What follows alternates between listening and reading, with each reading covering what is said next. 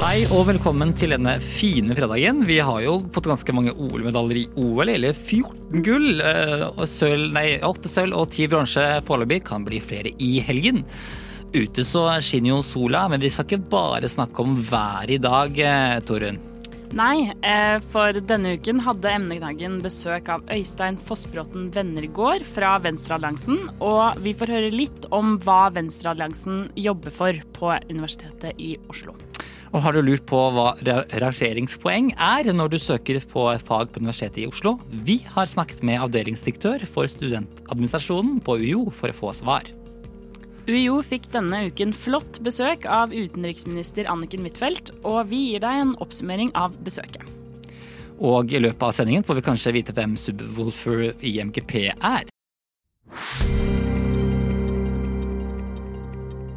I studio i dag så er jo Ingar Jakob Feiring og Torunn Festøy. Og som sagt, det, sola skinner, eh, og det er vel nokså god temperatur i dag eh, altså. Eh, Værmeldingen får vi litt senere, men nå er det jo klart for noe helt annet, nemlig en ukens nyhetsoppdatering.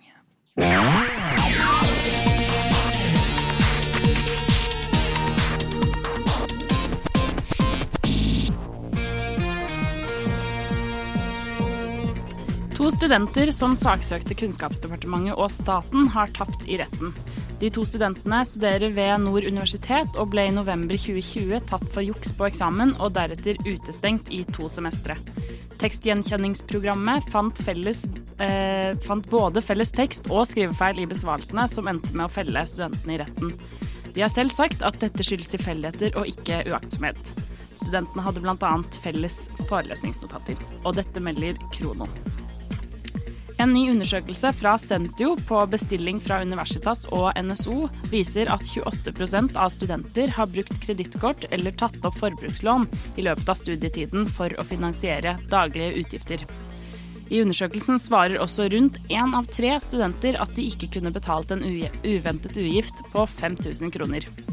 NSO-leder Tuva Todnem Lund sier til Universitas at disse tallene ikke overrasker henne, dessverre, og er noe NSO har advart politikere om lenge. Hun sier videre at dette er nok et eksempel på at studiestøtten er for lav og bør økes til 1,5 G, litt over 50 000 mer enn studenter mottar i dag. Og Universitetet i Bergen har startet Norges første karrieresenter for unge forskere. Senteret har fått navnet UiB Ferd og skal være et sted der man får hjelp til det man ikke lærer som spendiat. Det er krevende å være ung forsker, og det er en tøff konkurranse om vitenskapelige stillinger, sa rektor Margaret Hagen i sin åpningstale til senteret da det ble åpnet tidligere denne uken. Senterleder Ellen Hagen forteller at de har sett til lignende karrieresentre som finnes internasjonalt, og at de ønsker å være et supplement til det arbeidet som allerede skjer på fakultetene. Og det melder Krono. Nei, altså Vi skal fortsette å være en tydelig stemme. For studentene i Oslo. og Akershus. Det er jo ikke alle som merker det. Studentnyhetene. Vi fremmer studentenes interesser. 28. april til 5. mai er det valg til studentparlamentet på Universitetet i Oslo. Studentnyhetene skal invitere alle listene til debattprogrammet vårt Emneknaggen i løpet av våren, og vi startet det hele denne uken med Venstrealliansen. Her får dere et lite utdrag. Emneknaggen. Hvis du har lurt på hva Venstrealliansen er, og hva de egentlig står for, så har du kommet til rett sted. For vi har besøk av Øystein, som er representant fra Venstrealliansen. Eh, og jeg vet jo at deres valgkomité enten har starta eller skal nå starte eh, forberedelser til valget, som er nå i vår. Så listekandidatene er nok ikke helt klare enda. Men det er jo ikke første gang dere stiller, eh, så jeg tenker at vi kan jo ta eh, utgangspunkt i det, deres topp fem saker fra i fjor. mm. som var nummer én å redusere husleia i studentboligene. Hva er det som er viktig for dere i den saken der? Eh, vi, vi mener jo at eh, det er eh, mange studenter som sleit eh, økonomisk eh, under covid, og som fortsatt sliter, siden vi har en altfor eh, lav studiestøtte i Norge. Og så har vi jo ment i noen år at SIO har et for høyt budsjettoverskudd og derfor mente vi at det burde være en kamp for å redusere husleia flatt for alle studenter. Dere var også opptatt av å ha feminisme i fokus. Ja, feminisme i fokus så handler det om at vi ønsker å Eh, styrke rekrutteringen av kvinner i akademia, og at vi ønsker at eh, pensum skal bli mer mangfoldig. Jeg eh, syns det har vært veldig kritikkverdig at etter så mange år med viktig forskning drevet av kvinner, og så har ikke det blitt anerkjent nok i pensumlistene, da, blant annet. Pensumlista på sosiologi, selv om det er mange fremtredende kvinnelige sosiologer. Det er mye gamle hvite menn, og det jo de har mye, bidratt mye viktig, de òg, men eh, det er jo positivt å diversifisere. Um, en, sak nummer tre var miljøvennlig og solidarisk forskning ved UiO. Hva legger du i det? Ja, eh, det, det vi la i der, er at eh, UiO har inngått en forskningsavtale med Equinor, eh, hvor vi får pengestøtte eh, til å drive med klimaforskning. vi har vært kritiske til den akademiavtalen siden den ble signert, fordi vi mener at Eh, det kan legge bånd på klimaforskning som er kritisk til petroleumsnæringen. Eh, så vi ønsker enten å reforhandle den akademiavtalen eh, eller avlyse den. og så ville dere også øke studiestøtten til 2,5 ganger grunnbeløpet. Mm. Hvordan, hvordan, det, hvordan, går man frem for å gjøre, gjøre det? Um, der mener vi at uh, vi bør jobbe totrinns. Altså både så går det opp på å drive med påvirkningsarbeid eh, opp mot eh, eh, de som har mulighet til å vedta dette, som selvsagt er Stortinget. Eh, og da har vi jo jobbet for å eh, få en tydelig kamp for studiestøtte i eh, studentparlamentet, i Velferdstinget og i NSO. og så er det også, mener vi også at denne kampen burde være mer aktivistisk. Og det var jo derfor vi tok initiativ til at det skulle være en nasjonal Eh, demonstrasjon i fjor for å sette dette med studiestøtte på agendaen. Eh, på agendasetting så har det vært en relativt vellykket altså Det har vært en kamp for økt studiestøtte i flere år nå. Jeg tror det var studentkravet i 2017. Men det er først nå, eh, opp mot stortingsvalget, at det ble mye debatt om økt studiestøtte. Så det, det er der vi mener at man bør jobbe for å påvirke, da. Eh, og til slutt så ville dere avskaffe honors-programmene. Eh, hvorfor det? Eh, vi mener at Honors-programmet er eh, et eh, system som bruker altfor mye midler på noen få studieprogrammer, som skaper et A- og B-lag innenfor akademia mellom de som har tatt honors og ikke. Det gis mye ekstra ressurser til noen få studieprogrammer, som for så vidt har et spennende pensum, men som bidrar til klasseskiller i studiet, da, mellom de som tar på en måte masseuniversitetemner som de store linjene, og så mellom de, eh, de som tar honors. Der hørte du Selma Bull i samtale med Øystein Fossbråten Vennersgård fra Venstrealliansen. Og hvis du vil høre hele sendingen, så kan du gjøre det f.eks. på Spotify. Vi skal snart snakke litt mer om listene, så følg med videre. Flere studenter venter akkurat nå. Og vi ønsker jo at det skal være sånn. Så vi håper dette her bidrar til å gi alle studentene en trygg og god start på fredagen. Tusen takk for at du har hørt på Studentnyhetene. Noe du kanskje vil vite, er hvem Subwoolfer er på MGP i morgen. Det får vi vite kanskje senere i sendinga, men nå skal vi snakke om listene på, til studentparlamentvalget i VUO. Og Torunn, hvilke lister er det som stiller eh, til valg? Denne gang? Ja, for eh, tidligere i uka, på onsdag lurer på om det var, så ble det annonsert hvilke lister som eh, stiller. Og det er jo mange på en måte veteraner som har stilt ved flere andre valg. Og så er det et comeback og en, eh, et frafall, da, kan man kanskje si. Vi kan jo ta de klassiske først, da, kanskje. Ja. Vi har jo Venstrealliansen, som er den største lista, med åtte mandater. De har jo vunnet fem år på rad nå, valget. Ja, For de er jo blitt de største uh, liste, listen på presidentparlamentet. Gang på gang på gang. Gang på gang på gang. Så kanskje i år òg? Uh, vi får se hva om det blir for uh, sjette gangen nå i år. De har i hvert fall hatt åtte mandater. og på andre, andreplassen så er det grønn liste, nest største lista i parlamentet, med fem mandater. Så kan jo se om på en måte den grønne mm, bølgen fortsetter i år. Men det er noen helt nye lister også. Det er en eh, Ja, ja helt, helt og helt, holdt jeg på å si. Mener jeg, Eh, ja. Vi har et comeback. Eh, Realistlista gjør comeback. De stilte ikke i 2021, men hadde jo da stilt før det. Da var de med i, i valget i 2020. Fikk de inn to mandater. Og, og de er jo en eh, gjeng som studerer realfag, i hvert fall det sånn jeg har skjønt det. Og eh, de er eh, opptatt av eh, I hvert fall Eller det har ikke kommet ut liksom programmer og hoved, eh, hovedsaker for i år, men forrige gang de stilte til valg, i 2020, så, så er de opptatt av eh, blant annet stikkontakter til studentene. Eh, Tiltak for å lette overgang fra videregående, og også rimelig frist for å gi legeerklæring hvis man eh, altså, blir syk til eksamen, og sånn, sånne ting. Eh, Så de gjør et comeback, så det er jo spennende. Og så er det en liste vi mister, da. Vi fikk en liste her vi mister nå. Hvem er det som ikke stiller? Ja, og det er eh, gjestelista, som, eh, som i eh, 2019-2020 så hadde de fire mandater, og ved forrige valg så halvert, eh, ble det halvert da med to mandater. Em, men eh, ja, Ingar, vet du litt om noen saker gjestelista liksom har, har fremmet eh, i sitt virke? Ja, så Gjestelista har jo bl.a.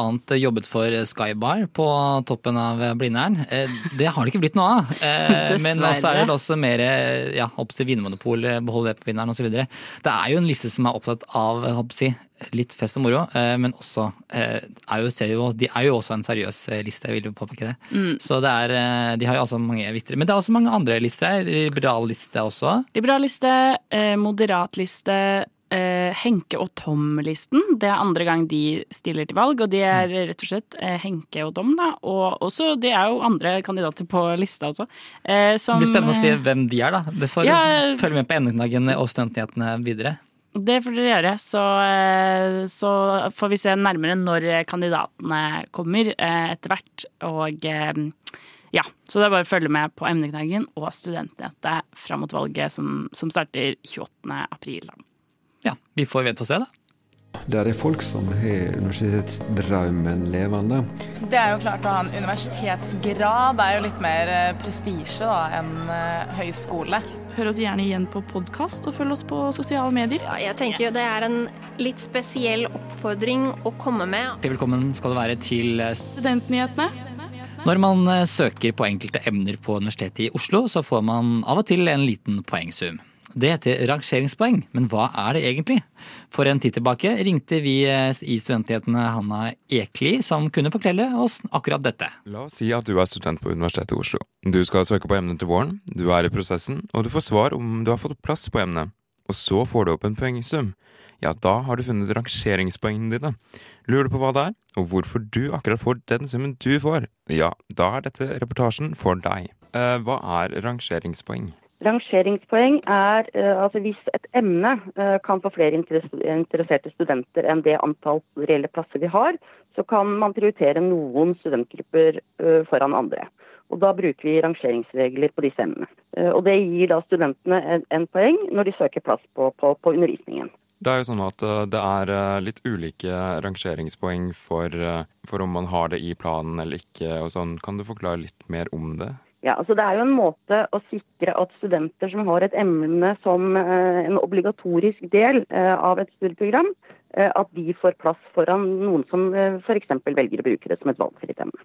Og her er en liten innføring i detaljene til rangeringspoeng. Du kan få ulike rangeringspoeng på Universitetet i Oslo ved opptak. Hvis studenten har et obligatorisk emne og kun kan tas i ett bestemt semester, får studenten 4000 poeng. 1000 poeng vil si at emnet er obligatorisk, men tidspunktet er fleksibelt. Ved 500 poeng ligger det i en 40-gruppe til studenten, eller altså en fordypning. I tillegg kan studenten få 180 poeng for avlagte emner. Desto høyere poengsum studenten har, desto høyere sjanse har du til å få plass på emnet. Så Det er jo primært for å sikre at de studentene som har et emne som en obligatorisk del av studieprogrammet sitt, får den plassen. Eh, Det er vi på mange måter forpliktet til. Eh, at hvis det er et emne som inngår som en del av det studieprogrammet du har tatt opp, obligatorisk, så må vi sikre at de studentene får plass på det emnet. Jeg har forstått det slik at uh, skoler som f.eks. BI har en mer sånn automatisk eh, oppmelding til emner. Hvorfor på en måte har ikke Men det vil jo et... Ja, nei, altså jeg tenker Det vil være avhengig av hvordan studieprogrammet ditt er satt sammen. Hvis, hvis studieprogrammet ditt primært består av en fast struktur, uh, hvor du skal ta disse emnene, så, så, vil du på en måte havne inn i en type uh, høy rangering. og Da kunne man i teorien også automatisk melde opp. Men det er klart Veldig mange av UiO sine studieprogrammer har også en ganske stor fleksibilitet og valgfrihet. Og da er det ikke, altså når, når, faktisk studentene skal ta et aktivt valg om hvilke emner de må ta, så kan ikke vi ha plassert dem på et emne. Så det har noe med strukturen i programmene å gjøre. Jeg har jo selv studert på UiO. Det er visse emner som på en måte har vært i planen, men da må du allikevel søke, og det er på en måte ikke en, altså det er ikke en viss sikkerhet på måte, at du kommer inn på de emnene som du selv vil. Men her er det noen ganske store forskjeller mellom fakultetene også, hvordan det gjøres. Eh, og om du har en automatisk påmelding eller at det er en, en, en, noe studenten gjør selv. Men det kjøres jo et undervisningsopptak eh, der hvor studentene søker selv. Nettopp for å sikre eh, at de som har det som obligatorisk, prioriteres først. I tillegg er det slik at noen studenter melder seg opp til langt flere emner enn de fullfører. Å ikke ta eksamen kan få konsekvenser for studieløpet til studenten, men det kan også få økonomiske konsekvenser for universitetet hvis tallene er store. Altså Der vil det nok også være ulikt fra emne til emne. Uh, vi vet jo at noen studenter melder seg på, på, på, flere emner. Det kan være dels fordi de gjør det i tilfelle de ikke får plass på det de aller helst vil på. Og så har de da meldt seg på et emne til for sikkerhets skyld. Det kan være at noen tror at de ønsker å ta fire emner, men så viser det seg at de, de klarer bare tre. Uh, så, det, er, det, er, ulike årsaker til, til hvorfor studenter melder seg til emner, og hvorfor de eventuelt slutter underveis. Så det er vanskelig ett svar på det. Hva gjør på en måte UiO eventuelt for å forhindre frafall? Altså Generelt så er jo liksom det UiO som institusjon er opptatt av, er jo å sikre studiekvaliteten på, på undervisning eller utdanningen vår. Eh, og det er vel på en måte det, det, beste grepet vi kan gjøre. Og så er det deler av UiOs studieportefølje har stor grad av valgfrihet. Og det, da medfører jo det også at, at, eh, noen kan melde seg på ting og trekke seg. Det, men mange vil jo si at det er noe av det som er positivt ved å være på UiO. At du har en del valgfrihet. Alt i alt, her har du fått en innføring i rangeringspoengene ved UiO. Håper det har vært til hjelp, og det kan kanskje være litt forvirrende i detaljer, men rangeringspoeng er der for å sikre prioriterte studenter til å få plass på emnet. Håper det var litt oppklarende. Det var reporter i Stig Gøran Skogvang som snakket med Hanna Erkli. Vet du hvor mange ganger student står i deres Oslo-program? Det har jeg nok eh, ikke talt opp, eh, men jeg antar at dere har. Studentnyhetene. Vi er nyhetsprogrammet av og med studenter hver fredag fra 11 til 12 på Radio Nova. Hør på oss. I morgen så avgjøres det hvem som blir Norges bidrag til Eurovision Song Contest, som avholdes i Torino, Italia i år, eller senere i mai, faktisk. Men med oss på telefon nå så har vi med oss eh, journaliststudenten Emma Oline Mastad, og eh, som står bak YouTube-kanalen Emma Oline Eurovision. Velkommen til deg. Hei, tusen takk. Eh, du, Før vi prater litt mer om finalen i morgen, for, du studerer i, i, Volda, stemmer ikke det? Ja, det stemmer. Ja, for Hvordan er, er det å studere i Volda? Det er jo først og fremst utrolig gøy. Det skjer ting her hele tida. Konserter og veldig bra sosialt liv. Um, og når det kommer til Melodi Grand Prix, så har vi jo selvfølgelig en stor uh, Grand Prix-fest i morgen. Ja, så gøy. Ja, der skal du selvfølgelig være, være med og følge med, eller? uh, ja, jeg må nesten det. Det må. Ja. Jeg, jeg for Ca. en måned siden så startet du YouTube-kanalen Emma og Line Eurovision. Uh, ja. ja.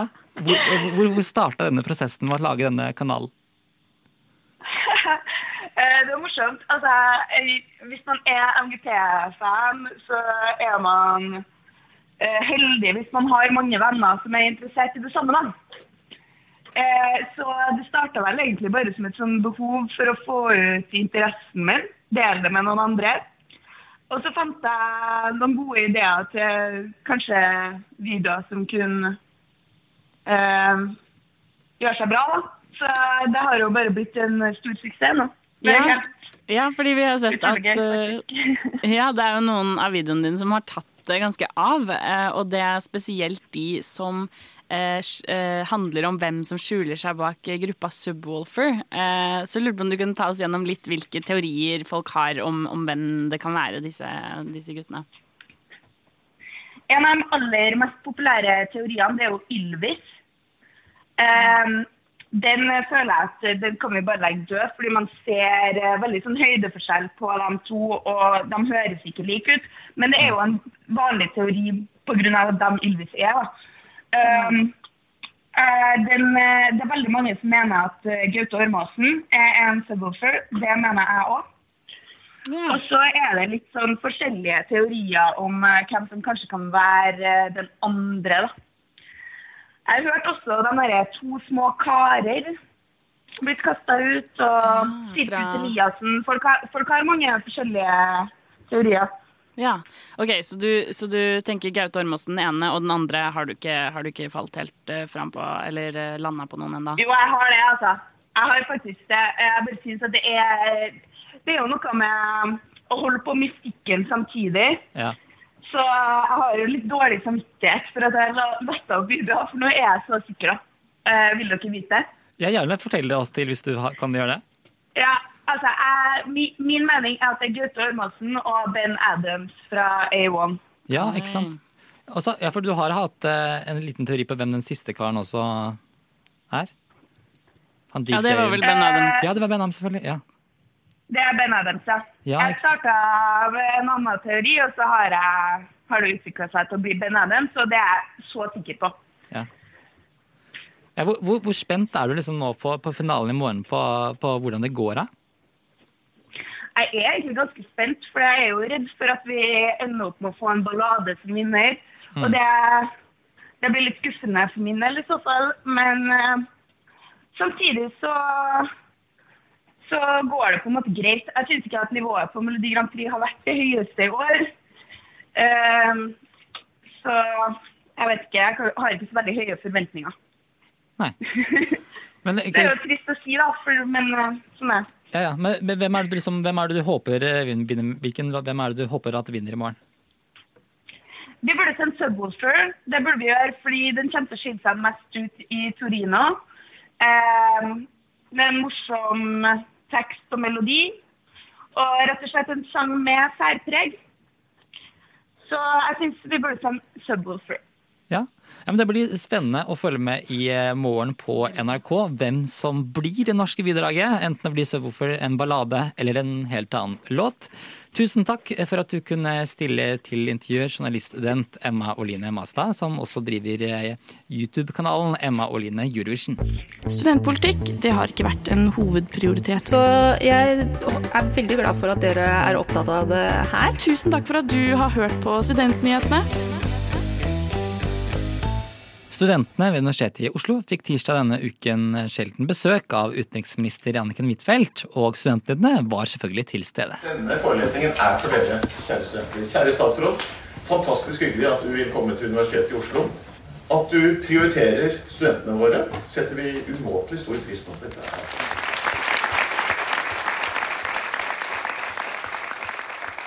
Det er ikke hver tirsdagsmorgen man ser PST, politifolk, Aftenposten, NRK og TV 2 alle samlet på Blindern.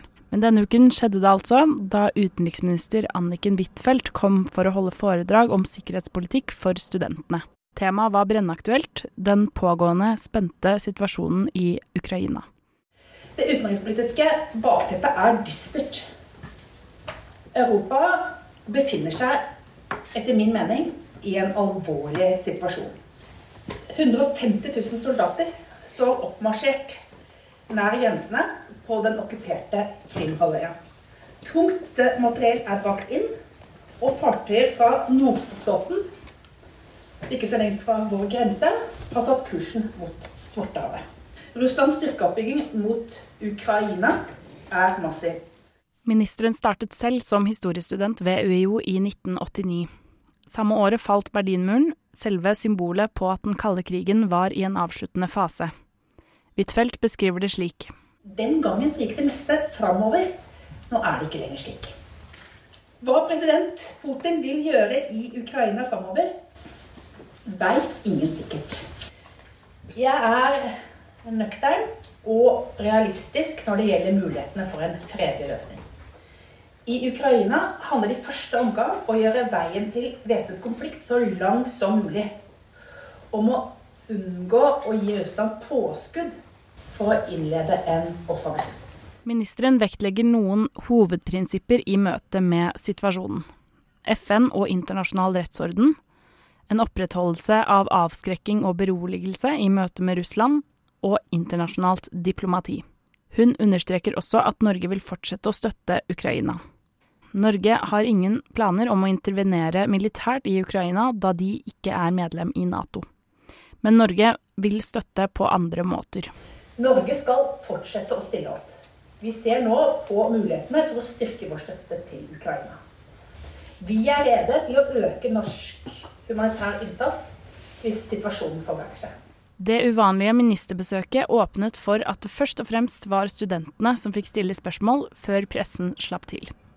Ministeren benyttet også muligheten til å understreke viktigheten og relevansen av hennes fag, nemlig historiefaget. Når jeg ser hvordan historiefaget blir brukt som et redskap i et politisk prosjekt, så vil jeg som utdanna historiker herfra si uavhengig historieformidling er en forutsetning for en kritisk samfunnsdiskusjon.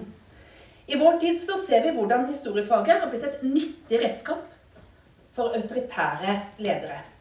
Historiske fakta plukkes ut altså rent anekdotisk for å styrke en eller annen hypotese. Da må respekten for uavhengig historieforskning og historisk metode styrkes. Så kjære studenter, historiefaget blir stadig viktigere. Men det kommer jeg gjerne tilbake og snakke mer om en annen gang. Og hvis du gikk glipp av besøket, er det ingen grunn til å fortvile. For skal vi tro Huitfeldt selv, blir det nok ikke siste gang hun besøker UiO. Hun både inviterte seg selv og ble invitert tilbake for å snakke om andre viktige temaer som internasjonalt samarbeid i forskning og akademia, og historiefagets relevans. Og vil du høre mer om Ukraina-tematikken, anbefaler vi deg selvfølgelig å høre på podkasten fra dagens sending av Opplysningen 99,3, vår kjære aktualitetsmagasin på Radnova. Eh, reporter i saken, det var Torunn Festøy. Ja, klart Som student har du lite penger å rutte med, jeg skjønner det. Men hva betyr det for studentene? Jo, det tror jeg det er mange som lurer på. Tusen takk for at du har hørt på Studentnyhetene. Og nå er det jo tid for en værmelding.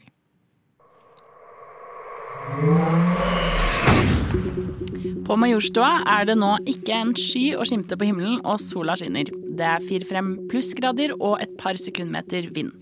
På lørdag blir det litt kaldere, men også strålende sol og noen få skyer. Søndag blir så å si det samme, så det blir en helt nydelig helg, eh, og det er bare å komme seg ut og nyte. Værmeldingen er henta fra yr.no, og mitt navn er Torunn Festøy.